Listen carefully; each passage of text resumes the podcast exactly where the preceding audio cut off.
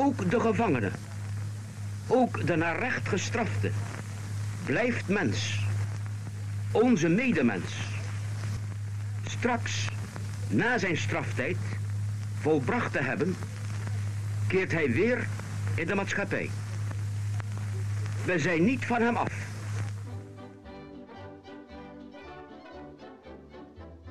Dit is de situatie.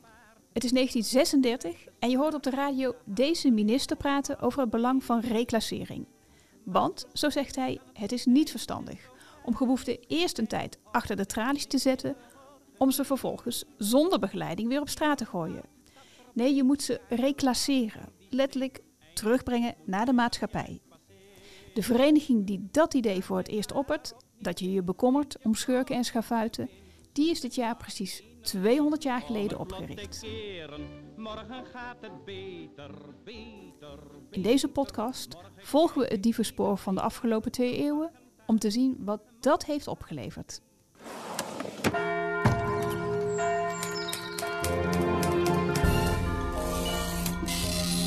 Je luistert naar het geheugen van Brabant. De podcast van het Brabants Historisch Informatiecentrum in Sertogenbos. Dwaal mee door onze archieven op zoek naar de mooiste verhalen van vroeger. Hier is je reisleider op onze speurtocht, Marilou Nillissen. Om meer te weten te komen over de historie van reclassering, stort ik me in de wereld van boeven en bandieten, hun opsluiting en de weg terug naar de maatschappij. Want hoe vind je die weg terug naar een geregeld leven zonder de politie op je hielen? Precies daarbij komt reclassering om de hoek kijken. En sinds wanneer zijn we ons eigenlijk gaan bekommeren om onze criminele medemens? Daarover praat ik met Erik Jan Broers, universitair docent rechtsgeschiedenis aan Tilburg University. En Erik Jan geeft onder meer colleges over rechtsgeschiedenis en strafrecht. En ook reclassering maakt daar onderdeel van uit. Dit jaar is hij trouwens een van de genomineerden voor de landelijke verkiezing van docent van het jaar. En voor deze podcast schuif ik aan in zijn kamer op de universiteit om meer te leren over die wereld van boeven, bandieten en vagebonden. En hoe de reclassering weer brave burgers van hen probeert te maken. Kijk, de vagebonden, natuurlijk de landlopers en zwervers, die komen uiteindelijk, eh, omdat er ook heel veel goeie waren, die, die niet tot criminaliteit overgingen, die kwamen uiteindelijk terecht in, bij organisaties die zich met de armenzorg gingen bezighouden. Dus niet zozeer met de reclassering. Um, daar komt verandering in dat hele klimaat zo'n beetje in de 19e eeuw. Daarvoor heb je ook altijd wel stemmen gehad die zeiden van uh, we moeten het strafrecht zo laten werken dat mensen die op het criminele pad terecht zijn gekomen, wat voor reden dan ook, om die toch weer enigszins in het gereel te krijgen.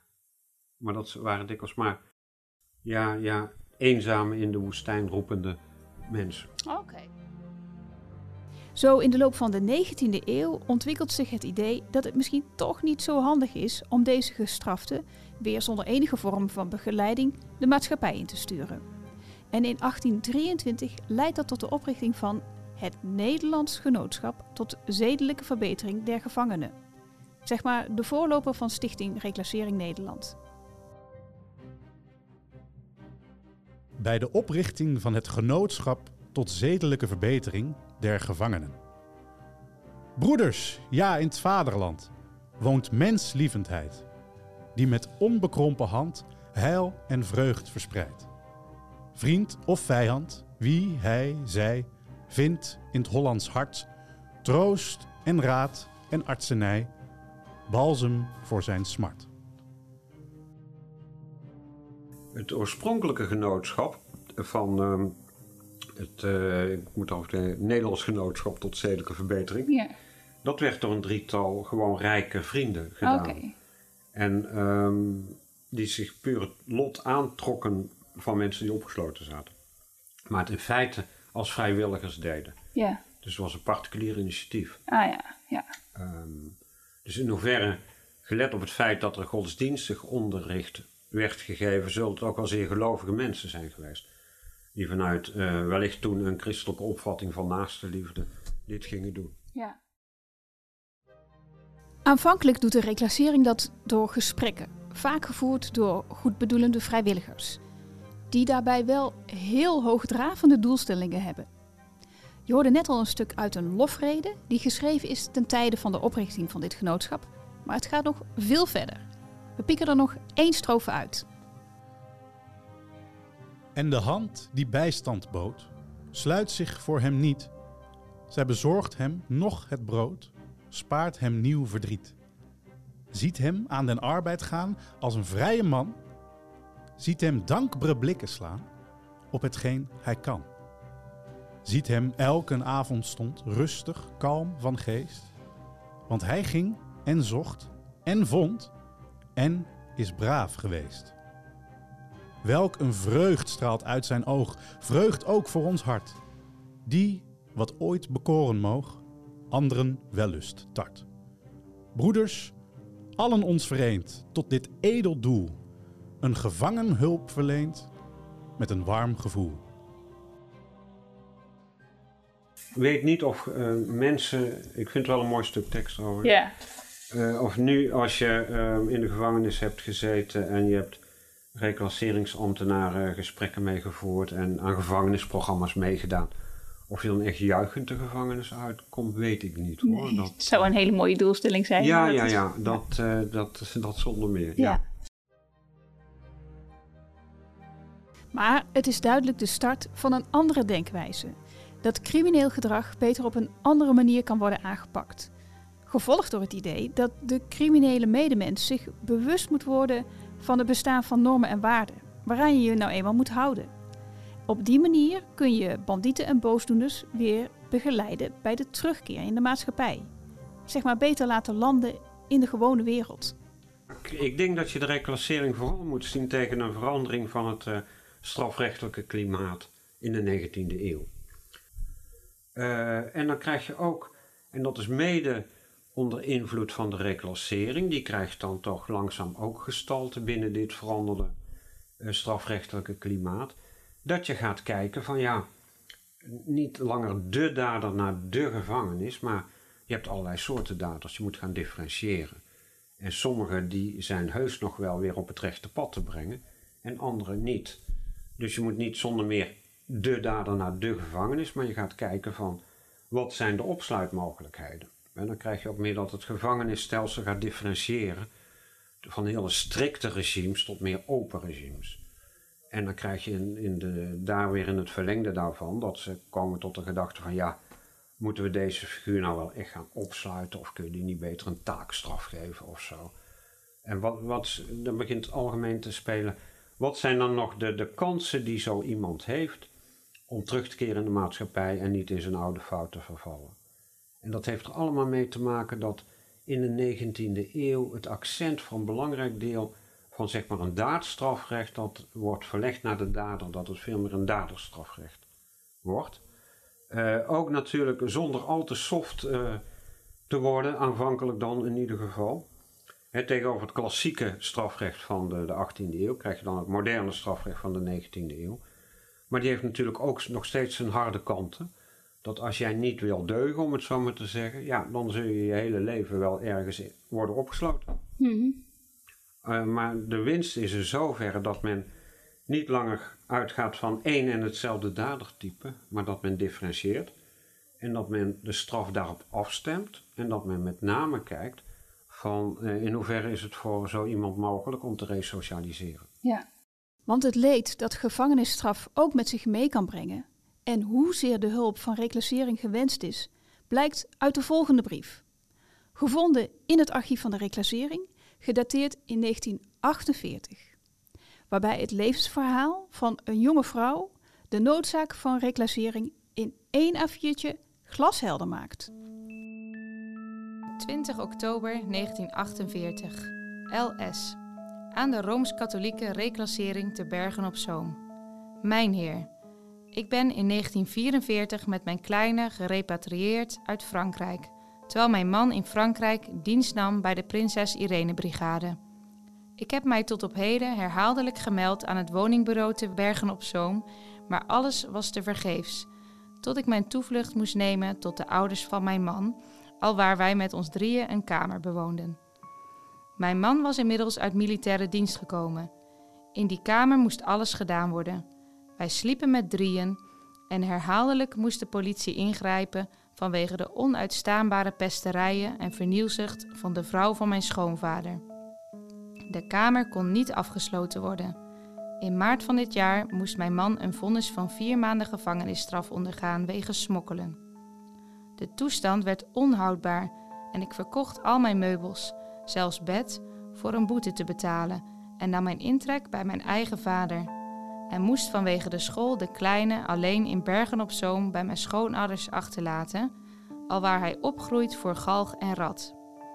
Informeert u SVP bij de plaatselijke politie, welke u van de waarheid deze zal overtuigen. Bij mijn vader woont in een getrouwde zoon, heeft zelf zeven kinderen en heeft op de koop toe twee kostgangers. Toen mijn man uit Breda terugkwam, was er geen plaats meer. Hij sliep in het hooi, wat hij nu nog doet. Ik had enige schulden gemaakt omdat ik tijdens zijn verblijf in Breda geen ondersteuning genoten had. En hij probeerde om iets bij te verdienen. En probeerde het nog eens aan de grens, alwaar hij direct werd gearresteerd en weer voor twee maanden naar Breda werd gebracht. Tevens werd veroordeeld tot 40 gulden boete plus een voorwaardelijke straf. Toen hij op 8 september weer thuis kwam, is hij direct gaan werken, verdient 40 gulden in de week, moet voor mij en hem 30 gulden kostgeld betalen, plus 5 gulden voor de kleine en slaapt nog in de schuur. Mijn heer, iedere week meld ik me op het woningbureau, maar steeds hetzelfde. Niets, helemaal geen plaats. Ik heb reeds bij verschillende instanties geprobeerd om onderdak, maar alles is tot op heden vruchteloos gebleven. Mijn Heer, wij leven als gescheiden en de toestand is ondraaglijk, zelfs zo erg dat er woorden en daden worden gebruikt, welke zelfs in het laagste milieu niet voorkomen. Mijn Heer, dit is geen fabeltje, maar de zuivere waarheid, waarover u de politie de nodige inlichtingen kan verschaffen. Deze toevlucht, mijn Heer, is mijn laatste hoop. En mocht ook uw vereniging in deze kwestie geen oplossing vinden, dan ben ik verplicht tot een echtscheiding over te gaan, daar de toestand, welke nu reeds drie jaar duurt, voor mij haar eindstadium bereikt heeft. Hopende dat u in deze moeilijke situatie een oplossing vindt, verblijf ik met de meeste hoogachting.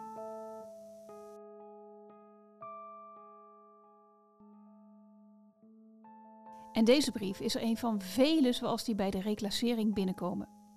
Om deze mensen te kunnen helpen is er geld nodig. En om aan meer geld te komen zijn er speciale collectes. Je hoorde al aan het begin de stem van minister De Wilde die een oproep deed om geld te geven. En zo zijn er meer, weet mijn collega Mathilde, die steeds weer bijzondere foto's, films of audiofragmenten weet op te sporen. Ja, ik heb op de, op de website van, uh, van 200 jaar reclassering uh, uh, wel hele leuke dingen gevonden. Mhm. Want ze hebben daar eigenlijk de geschiedenis, doen ze heel kort uit de doeken. En er staan ook verschillende filmpjes op, waaronder ook hele oude voorlichtingsfilms met name. En ook een aantal audiofragmenten. En die wekten mij al mijn interesse.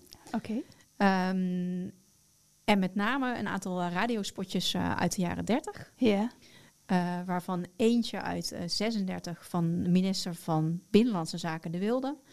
En eentje uit 38 van de minister van Justitie, toen de tijd minister Gooseling. Oké, okay, dus we zitten midden in de crisisjaren, jaren 30. Midden in de crisisjaren. En het zijn, ik zeg net radiospots, maar het zijn eigenlijk meer een soort korte toespraken. Mhm. Waarin dus vanuit de overheid, vanuit de ministeries, het woord wordt gericht uh, tot het volk.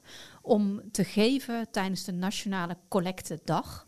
Ah. Um, die werd in 1935 uh, voor het eerst georganiseerd. Uh, en in de jaren 70 uh, zijn ze er weer mee gestopt. En er was een nationale collectedag ja, voor de reclassering om geld op te halen bij de mensen om het reclasseringswerk te kunnen betalen. Zullen we een stukje luisteren? Ja, laten we dat doen. Waarde luisteraars. Op zaterdag, de 9e mei, dat is dus op aanstaande zaterdag, is het reclasseringsdag. Dan zal er, zoals in deze tijd zo herhaaldelijk geschiet, weer een offer van u worden gevraagd. Het doel van het korte woord dat ik tot u spreken ga, is om u op te wekken om naar de mate van uw financiële welstand uw steun te geven aan een edel en echt christelijk streven. Ik mag veronderstellen dat de meesten uwer wel eens van het werk der reclassering hebben gehoord. Mensen luisterden toen heel veel naar de radio, hè? dus er was nog geen televisie. En de radio was echt het vermaak uh, van dat moment. Dus ja, er zullen ook uh, veel mensen zijn geweest die die oproep hebben gehoord en daar ook gehoor aan hebben gegeven. Uh, en die, ook die oproep, die stond dan ook weer in de krant aangekondigd. Oh ja? Dus je kon er bijna niet omheen. -hmm. um, ik vond een stukje in de Volkskrant uh, uit 1938. Uh, waarin in keurig Nederlands uit die tijd stond... Uh, naar wij vernemen zal de minister van Justitie, uh, meester C. Gooseling... op dinsdag 3 mei aanstaande, des avonds van kwart voor achten tot acht uur... voor de Avro-microfoon het woord voeren in verband met de Nationale Reclasseringsdag. Luisterende landgenoten. Reclassering, zoveel weet ieder er wel van roept aanstonds de gedachte op aan gevangenis, aan vrijheidsberoof, aan opsluiting, aan menselijk leed. Wat ook wel heel leuk is aan het, uh, het stukje van uh, minister Goosling, is dat je echt, uh, je, je hoort de geluidsopname, je hoort de, de grammofoon hoor je spelen. het is bijna net alsof je in zo'n huiskamer zit in de jaren dertig en die toespraak uh, tot je krijgt. En ondanks de wat langdradige inhoud van de, van de toespraak, kan ik me toch goed voorstellen dat als je met je kopje koffie uh, op de bank zit, dat je wel uh, geïntrigeerd blijft luisteren. Ja, zijn intonatie voegt daar onmiddellijk aan toe dat je in één keer in de jaren dertig zit. Hè? Ja, je ziet hem bijna zitten, ja, terwijl hij dat inspreekt. Ja, ja mooi. Ook Erik Jan heeft meegeluisterd naar deze radiofragmenten, gericht aan de luisterende landgenoten, zoals minister Goosling het zo mooi zei, maar die natuurlijk vooral aandacht wilde voor de reclasseringscollecte en een bijzondere aanbeveling deed namens de regering om vooral gul te geven. Wat valt Erik Jan op bij het beluisteren van deze fragmenten? Nou, wat me opvalt in de eerste plaats. Uh, als ik op deze manier colleges dan zou de zaal wel heel erg leeg blijven, denk. Ja. Uh, er wordt toch weer een beroep gedaan dat de overheid wil wel geld besteden aan de reclassering. Maar het is toch al heel wenselijk dat mensen uh, bijdragen aan de collecte. Dat, uh, voor, de, voor de criminele medemens wordt ook gezegd, want we hebben een plicht om voor de mens te zorgen. Ja. Um, waar hij verder die plicht op uh, grondvest is volledig onduidelijk. Maar het zal weer uh, vanuit christelijke naastenliefde zijn. Maar mm. er wordt nog wel met, met zekere nadruk wordt gezegd... we hebben een plicht om, om dat te doen. Dus daarom uh, moet je wel bijdragen aan die collecte als goed mens.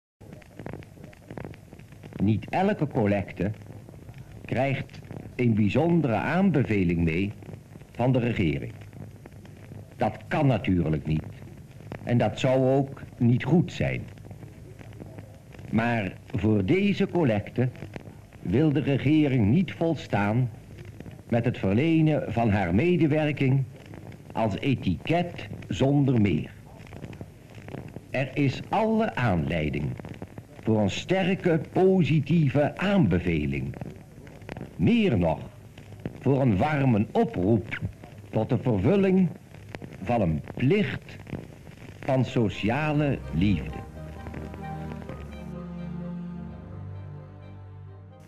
In beide radiofragmenten ligt de nadruk op het collecteren voor de Nationale Reclasseringsdag.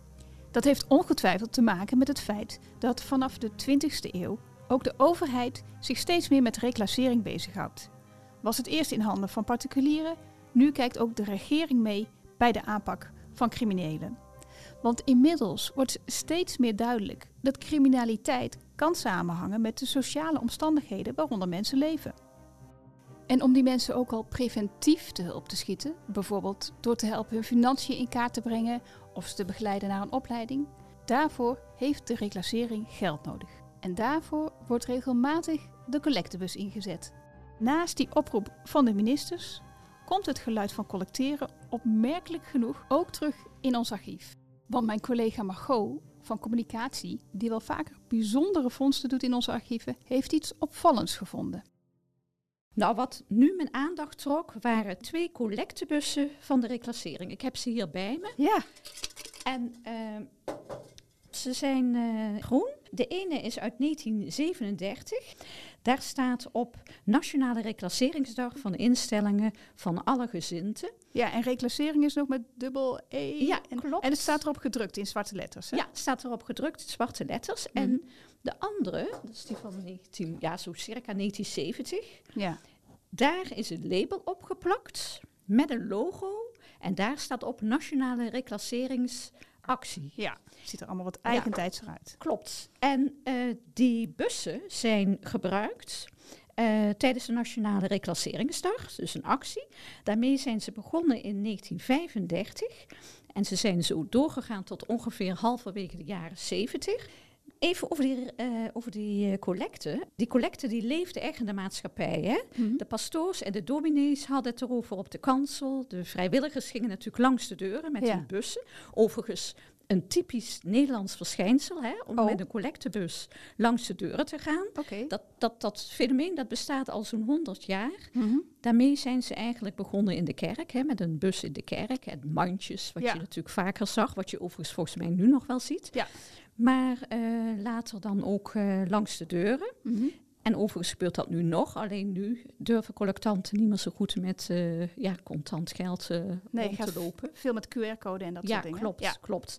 En bovendien hebben mensen vaak geen contant geld meer. Dus uh, nee. ja, dat is een beetje aan het eind, eindje van het collecteren, zou ik maar zeggen. Ja.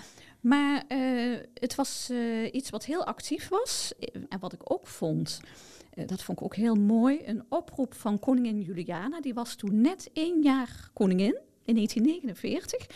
En uh, zij vroeg er ook echt aandacht voor. Ja. Specifiek voor de reclassering? Klopt, okay. klopt. Voor die, ook voor die dag, hè, om geld ja, te ja. geven. Okay. En ook vond ik een briefje van Willem Drees. Die was toen net minister-president ook. Mm -hmm. Was natuurlijk een heel sociaal bewogen man. Dus, Vadertje uh, Drees. Op zich wel logisch dat hij daar ook uh, aan mm -hmm. meedeed. Uh, ja, dus ik vond dit wel een mooie vondst. Ja. Zeker. Dit komt uit het archief van de reclassering. Ja, klopt. Nou zeggen wij collectebus, dan denk ik maar één ding. Hoe klinkt die Margot? Ja, nou, dat ga ik dan meteen even doen, hè. Ja.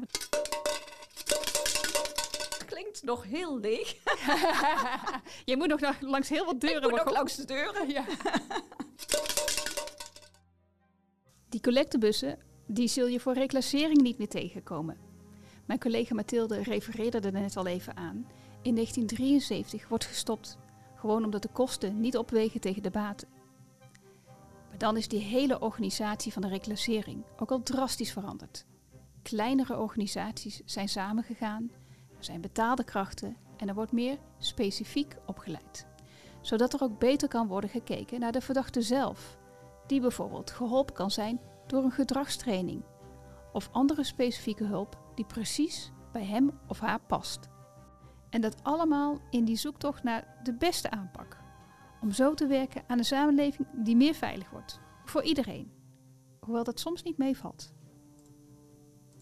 Uh, je hebt een speciale uh, tak zeg maar, van de reclassering die zich ook bezighoudt met, uh, met jeugdcriminaliteit. Ehm, dat er juist bij de jeugd, als ik het even zou maar zeggen, de jonge volwassenen, de criminaliteit steeds harder wordt. Dat het heel tegenwoordig normaal is, uh, als je uitgaat dat je al steek- en schietwapens bij je hebt, dat mensen ook niet uh, schromen om die te gebruiken. Dat je vaak in de krant leest van ja, een 18-jarige steekt een andere 18-jarige neer.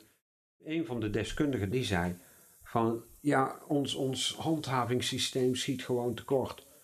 Als jij met, met dit soort mensen die echt uit een zeer crimineel milieu komen, -hmm. Uh, dan kun je wel weer gaan praten. Nederland wil alles oplossen met praten. Alleen maar praten, praten. En als het vervolgens niet helpt, ga je dan verder praten of wat moet je dan doen? En dat was een beetje dat mijn zicht op de reclassering, waarvan ik nog steeds vind dat het goed is dat die er zijn, laten we wel zijn. Uh, maar dat je bepaalde groepen die zo diep in, in uh, dit soort criminaliteit verzeild zijn, zijn geraakt, dat het heel moeilijk is om ze eruit te trekken. Hmm. Wat Erik Jan nu vertelt, vinden wij ook wel eens op een pijnlijke manier terug in onze gevangenisarchieven. Veroordelingen van boefjes van 6, 7 jaar die uit stelen worden gestuurd, vaak om in levensonderhoud te kunnen voorzien, maar die op die manier snel afglijden in zwaardere criminaliteit. Uh, dus dat, dat vind ik een beetje een, toch een ja, wat sombere gedachte op deze regenachtige dag.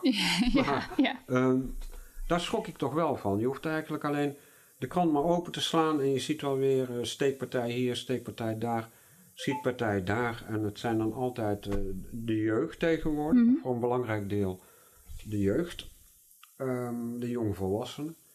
Dat, en als je dan bij sommigen, toen uit de Randstad ook van die drillrappers, er werd er even een blikje uh, gegund in de, de, de familie van zo iemand. En dan bleek al, ja, de broer zat ook al vast. En uh, de moeder, uh, ja, die was ook al voortdurend in aanmerking, aanraking gekomen met de politie. Ja. Dat je denkt, hoe kun je daar sturend gaan optreden? Hmm. Daar kun je dan wel weer een reclasseringsambtenaar naartoe sturen met mooie folders en gesprekken. Gaat dit, heeft dit zin? Ja.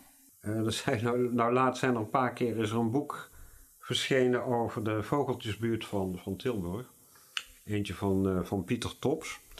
Uh, iemand die veel onderzoek naar, naar, heeft gedaan. En dan blijkt dat, dat sommige families die zitten al generaties lang in de criminaliteit. En is dan niet de, criminaliteit à la Taghi, hè, niet uh, met afrekeningen en moordpartijen, maar meer met, met mensen die beginnen met, uh, met smokkelen van, van boter en later het smokkelen van sigaretten en later komen ze dan in de drugsscene terecht. Um, als jij in zo'n familie geboren wordt, dan is ja, de kans, omdat je dit om je heen ziet en omdat de normen kennelijk zo zijn van ja joh, dat, uh, dat is allemaal zo erg niet, is de kans dat jij daar uh, gewoon uitkomt is heel klein.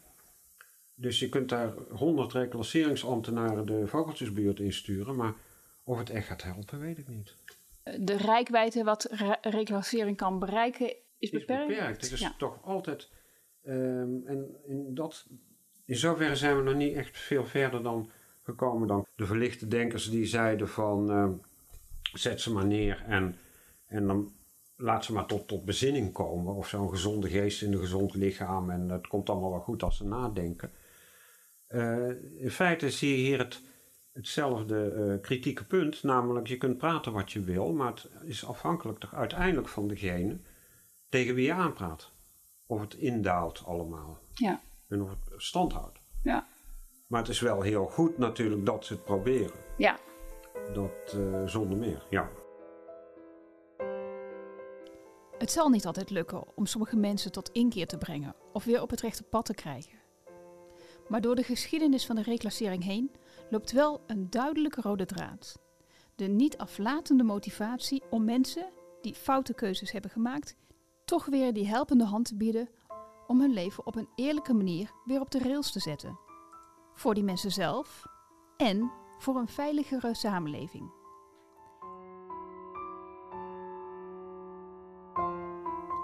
Iedere eeuw, ja iedere tijd vraagt om een passende aanpak. En de reclassering probeert daar ook bij aan te sluiten. Van zedelijke verbetering in 1823 tot elektronische monitoring in deze tijd. Om op die manier te werken aan een veilig Nederland. Want criminaliteit is nu eenmaal van alle tijden. En dat verandert nooit. Onze archieven zijn daar het bewijs van. Bij één criminele zaak staan mijn collega Christian en ik in iedere aflevering van deze podcast altijd wat langer stil. De moord op Marietje Kessels.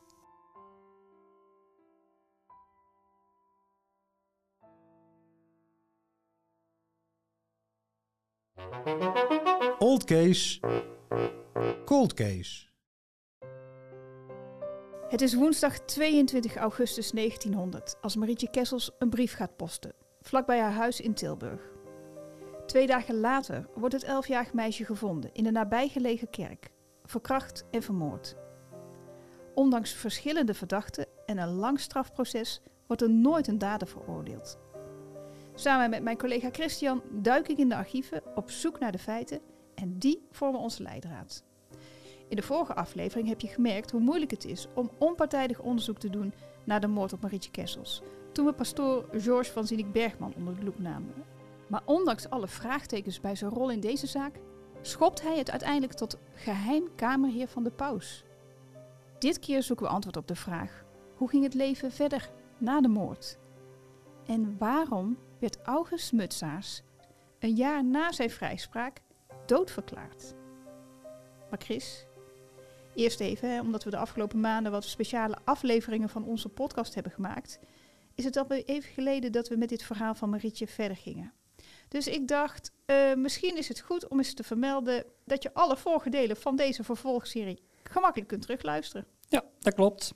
Dus om je geheugen op te frissen, hè, we hebben op onze website bhic.nl podcast, daar hebben we een knop op gezet. Die heet dossier Marietje Kessels.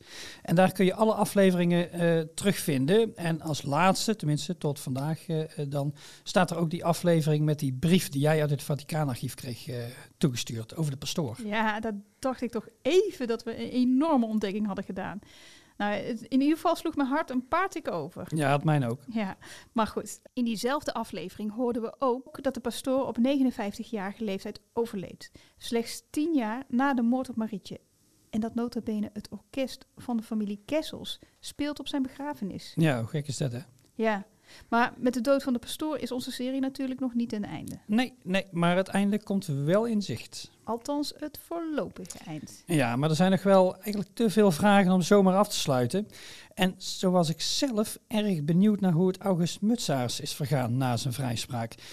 Maar Marlou, ik heb natuurlijk, en jij vast ook, want ik ken je een beetje, het meeste gedacht aan het gezin bij wie aan tafel voortaan één stoel leeg zou blijven. Ja, de familie Kessels. Hè. En dan kunnen we nu wel weer in de archieven duiken. En dat doen we ook, maar um, ja, vooropgesteld, het valt voor ons eigenlijk niet voor te stellen hoe immens groot het verdriet om de dood van Marietje moet zijn geweest. Hè. Hoe haar dood ja, als een soort zwarte wolk boven de levens van haar ouders moet hebben gehangen. Dat moet onvoorstelbaar diep zijn geweest. Ja, maar ja, vindt ze ook verdriet maar eens in de archieven terug.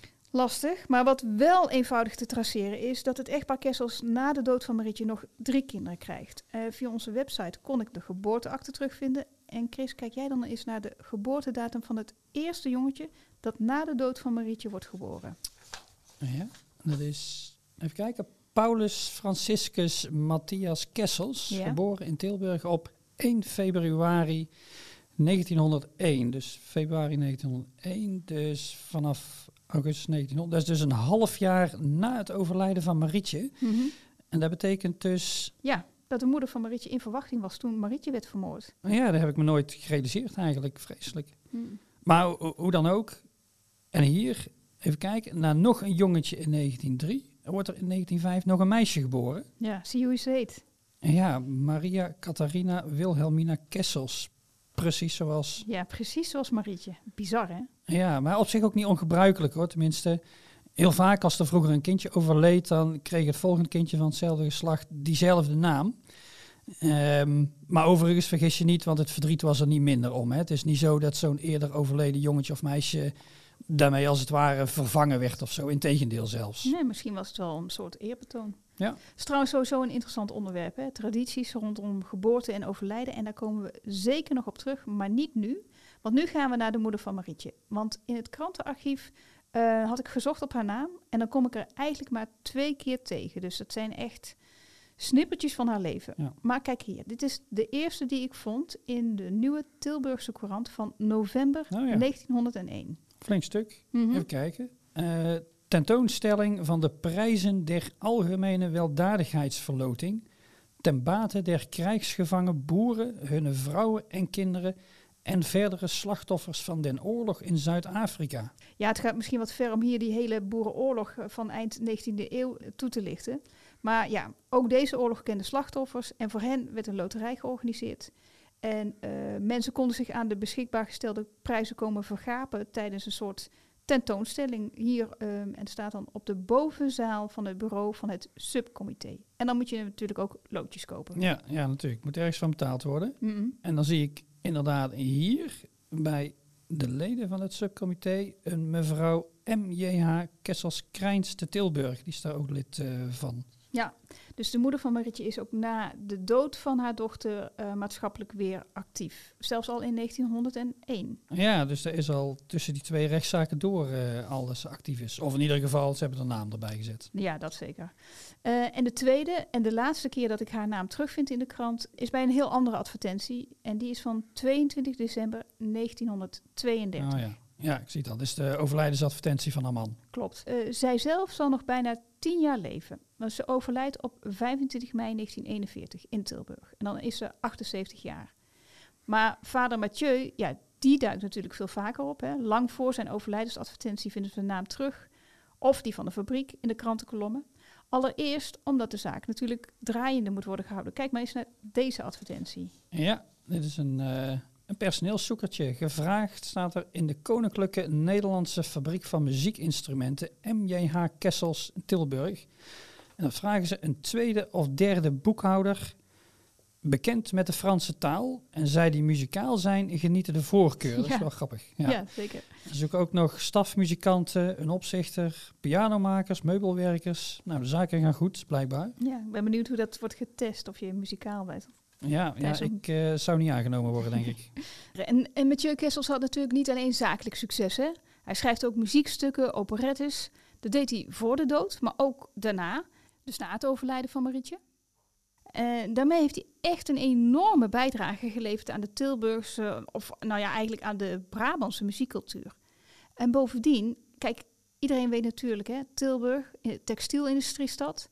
Maar wist jij dat die muziekinstrumentenfabriek van Kessels na de textiel de grootste werkgever van Tilburg was. Nee, serieus? Ja, op het hoogtepunt met ruim 450 werknemers. Ja, en ook dat pand waarin zij zaten, uh, aan de toenmalige Industriestraat, ja, was gewoon tientallen jaren gezichtsbepalend voor de stad. Ja, dus ja, weliswaar een hoop succes, maar ook wel een beetje dubbel natuurlijk. Want je weet, ja, de dood van Marietje, die ja, die valt natuurlijk ook niet te vergeten. Dus nee. alle succes van de wereld kan zo'n leegte natuurlijk nog niet eens opvullen. Oh nee, absoluut. Dat draagt de familie altijd met zich mee. Ja, en wiens leven hierna ook nooit meer hetzelfde kan zijn geweest, dat is die August Mutsaars, hè, die schilder. Ja. Tot twee keer is die vrijgesproken, maar ja, ik stel me zo voor toch levenslang verbonden aan deze moordzaak en eigenlijk ook altijd wel een beetje verdacht gebleven. Ehm, en de eerste tekenen daarvan, die zie je zelfs al heel kort na die twee rechtszaken. Kijk maar eens. Deze brief, die vond ik in het archief van zijn advocaat, Pels Rijken dus. Mhm. Het is zijn eigen handschrift, dat ken je inmiddels een beetje. En hij schrijft aan Pels Rijken kort na zijn vrijschaap in hoger beroep. Kijk maar eens. Even kijken, oh, ruitjespapier zie ik. En inderdaad, een bekend handschrift. Uh, Tilburg, 31 juli 1902 de wel edelgestrenge heer F.E. Pelsrijke. Zo even ontvang ik uw brief en verneem daaruit dat u voldaan zou zijn indien ik een goed leven leid. Mijnheer zal daar niet het minste aan tekort komen. Dus, oh, de Pelsrijke die verricht nog even nazorg. Wat, wat netjes. Die voelen zich echt wel heel erg verbonden met deze zaak. Ja, zeker. Het zijn echt wel twee mannen die elkaar ja, nooit meer helemaal los hebben gelaten na die rechtszaak. Die Mutsaars die stuurt zelfs Persrijken ieder jaar nog kleine attenties. Hè, sinds die rechtszaak, gewoon uit dankbaarheid voor zijn vrijspraak. Ja, mooi. Even kijken, en dan staat er verder ook vraagt u hoe het met het werk staat. Mijnheer, dat is zo ellendig in Tilburg voor mij dat ik hetgeen ik in een hele week heb in een halve dag kan afwerken. Ik kan tegenwoordig niet rekenen twee gulden in de week te verdienen en knecht spelen in Tilburg zou helemaal niet gaan, om reden dat er de pastoor zou tussenkomen, zoals verleden jaar bij Bouwens, daar ik aan het werk was. De pastoor, dus die werkt hem ook daarna nog tegen. Ja. Hmm. Verder schrijft hij, wel heb ik in het eerst vele snuisterijen voor de mensen opgeschilderd, toch dat geraakt op. Ja, en snuisterijen, dat zijn dan gewoon kleine dingetjes, hè, eh, voorwerpen, sieraden of zo, allemaal uh, nou ja, dingen van weinig waarde. Want die grote klussen, ja, daar stak dus inderdaad de pastoor een stokje voor. Hmm. En nu is het dan eens een lamp bronzen en dan weer een paar letters zetten, zo allemaal van die karweien van acht of tien stuivers. En daar de verf nog bij. Dus u behoeft niet te vragen wat daar overblijft. Ja, nou ja, niks zo lijkt, lijkt me dan. Hè. Daar hoef je geen boekhouder voor te zijn. Nee, klopt. En uit de rest van de brief, daar blijkt dan ook nog uit dat hij vooral inderdaad kleine karweitjes krijgt. En eigenlijk alleen nog van mensen uit de buurt die hij al uh, kende. En dan tot slot staat er, mijn best doet ik er wel voor om werk te krijgen, maar het gaat slecht. Verder vele hartelijke groeten van mijn ouders en mijn echtgenoten, maar vooral van mij, die zich noemt August Mutsaars. Ah, mooi. Ja, het gaat wel ver om te zeggen dat Mutsaars en Pelsrijken echt vrienden zijn geworden door deze rechtszaak. Maar feit is wel dat Pelsrijken zich het lot van de schilder zijn verdere leven is blijven aantrekken. Het is gewoon echt een advocaat met een heel groot hart, hè? dat is echt duidelijk. Ja, echt heel duidelijk. Ja. Uh, en omdat het dus in Tilburg zo slecht ging met het vinden van werk, is Mutsa's vast naar elders verhuisd. Uh, dat zag ik dan in de krant. Want in 1903 is hij vertrokken naar Antwerpen. En daar probeert hij zijn leven weer vrij anoniem op de rails te krijgen. Maar dat lukt maar beperkt, want verschillende keren schrijven kranten dus dat hij is overleden. Overleden? Ja, nou ja, bijna dan. Kijk hier. Het Nieuwsblad van Friesland, 15 augustus 1903. Op ene ladder staande werd hij door ene brouwerskar omvergeworpen en overreden. En het Dagblad van Noord-Brabant meldt zelfs dat de schilder in gevaar van sterven alles had bekend. En dan eh, niet veel later dan rectificeren de kranten dat maar wel, maar heel matig, zegt ze. Een paar kleinigheden in dit bericht waren min of meer onjuist vanwege de komkommertijd. Ja, lekker dan. Een, een, een moord bekennen, noem dat maar kleinigheden. Ja, precies. Of lees hier hoe de Tilburgse Courant van, even kijken, uh, donderdag 7 augustus 1913 schrijft over licht in de moord van Maria Kessels. Um, het is weer een heel stuk. Mm -hmm. De schilder Mutsaars, die na te zijn vrijgesproken wegens gebrek aan bewijs, de wijk naar Antwerpen had genomen en van wien in augustus 1903 nog geschreven werd en later tegengesproken dat hij dood van een ladder zou zijn gevallen, is maandag door de politie aldaar betrapt op het plegen van niet te noemen handelingen met een minderjarig meisje. Oh, hij werd direct in verzekerde bewaring genomen en zal een strenge straf der om wraak roepende daad niet ontgaan. Natuurlijk ligt voor de hand dat de publieke opinie hem nu meer dan ooit als de ware moordenaar op Maria Kessels beschuldigt. Het waren te wensen dat de Belgische justitie erin slaagde het donker verleden van zo'n misdadiger bloot te leggen en aan de Hollandse justitie enkele feiten uit zijn Antwerpse leven aan de hand te doen, die licht zouden kunnen werpen op den gruwelijke moord te Tilburg. Nou, dat is weer lekkere objectieve berichtgeving weer. Ongelooflijk, hè? Ja, ja Mutsas reist zelf vanuit zijn woonplaats Antwerpen naar Tilburg. Hè. Gaat hij uh, naar die redactie van de Nieuwe Tilburgse Courant en vraagt van hoe kan het nou, jongens? Nou, er komen dag na dag wel rectificaties, maar ja, dan is natuurlijk kwaad al lang geschied. Ja. En dat steeds weer, hè. Keer op keer verschijnen in de krant onjuiste berichten, geruchten en iedere keer weer die zaak Marietje Kessels erbij. Ja, en dat gaat dus uh, maar door. Trouwens, als de Eerste Wereldoorlog uitbreekt, dan is het in België natuurlijk niet veilig meer voor hem. En dan vlucht hij terug naar Tilburg.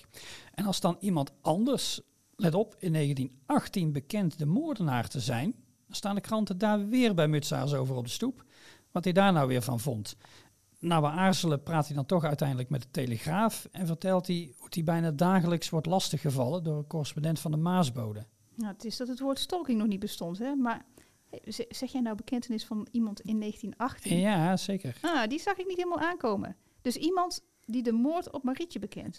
Ja, die zag ik zelf ook niet aankomen. Het is ook echt wel een bizar verhaal, maar het is echt waar. 18 jaar na de moord is er iemand die zich eigenlijk vanuit het niets meldt bij de politie en zegt dat hij Marietje heeft vermoord. Echt? Ja, echt. Maar weet je, daar bleek al snel iemand zonder dak boven zijn hoofd, maar wel met uh, regelmatig een borrel op. Hmm. Dus van die bekentenis, daar klopte niks van. Maar goed, in de tussentijd stond natuurlijk de zaak rond Marietje Kessels weer dagelijks in de krant. En ging ook weer de wildste geruchten eronder. Maar even voor mij, die man, die zwerver, die had dus helemaal niks met de zaak te maken? Nee, nee helemaal uh, uh, niks. Uh, die bleek wel op de dag van de moord in Tilburg te zijn geweest, maar dat was dan ook echt het enige. Hij had er in een café wat gedronken en toen hij toevallig 18 jaar later dus degene weer tegenkwam die hem toen in dat café wat rondjes had geschonken, ja, toen is ergens in zijn kop geschoten dat hij de moordenaar was. En toen kreeg hij vroeging en ging naar de politie. Maar goed, dat was dus niet zo. Hij was gewoon echt in de war. Mm, jammer zegt. Ik dacht even dat we aan het eind van dit verhaal toch nog een bekentenis te pakken hadden. ja, jammer hè. Dan hadden we zelf vast ook de krant gehaald. Maar eh, helaas. Mm, hey, maar Chris, nog even voor we afsluiten. Hoe gaat het eigenlijk verder met Mutsaars? Nou, die wordt, ondanks dus dat de krant hem al veel eerder had doodverklaard, eigenlijk nog behoorlijk oud. Zijn vrouw, over wie het in zijn brief dus ook eventjes eh, ging, die komt al in 1931 te overlijden. En drie maanden na dat overlijden al, dan trouwt hij met hun dienstbode. Voortvarend. Ja, zeker. Hij liet er geen gras over groeien. Ehm, vervolgens vertrekt hij met die dienstbode zijn nieuwe vrouw naar Dongen. En dan pas in 1960, dan overlijdt hij. En dan is hij 86 jaar oud. Nou, respectabele leeftijd.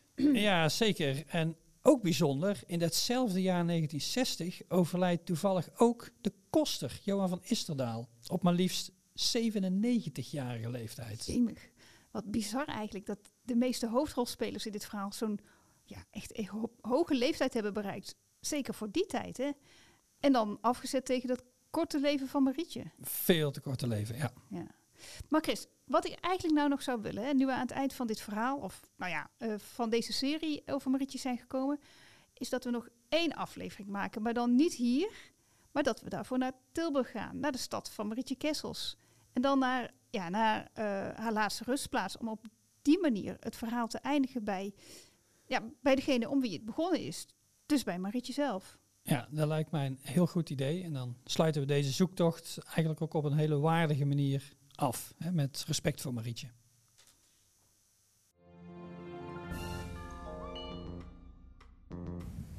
Luisterende landgenoten. Bedankt voor het luisteren naar deze podcast. Behalve Erik Jan Broers hoorde je de stem van Noah Olderink van de Konings Theateracademie in Den Bosch, die de lofrede op het genootschap voordroeg. En mijn collega Lisette vertelde het verhaal van de briefschrijfster die de reclassering om hulp smeekte. De lofrede en de brief en overigens ook de collectebussen vonden we terug in het archief van de reclassering. En je kunt deze archiefstukken ook zelf terugvinden op onze site bhic.nl/podcast. En luisterende landgenoten, je hoorde natuurlijk het authentieke geluid van minister De Wilde en Goosling dat we vonden op de site van 200 jaar reclassering. En vond je dit nou een fijne podcast? Geef ons dan een review, zodat ook andere mensen de podcast kunnen ontdekken. Of abonneer je op onze podcast Het Geheugen van Brabant, want dan mis je helemaal niks. Mocht je nog vragen hebben, opmerkingen, laat het ons weten en mail naar podcast.bhic.nl. Dankjewel.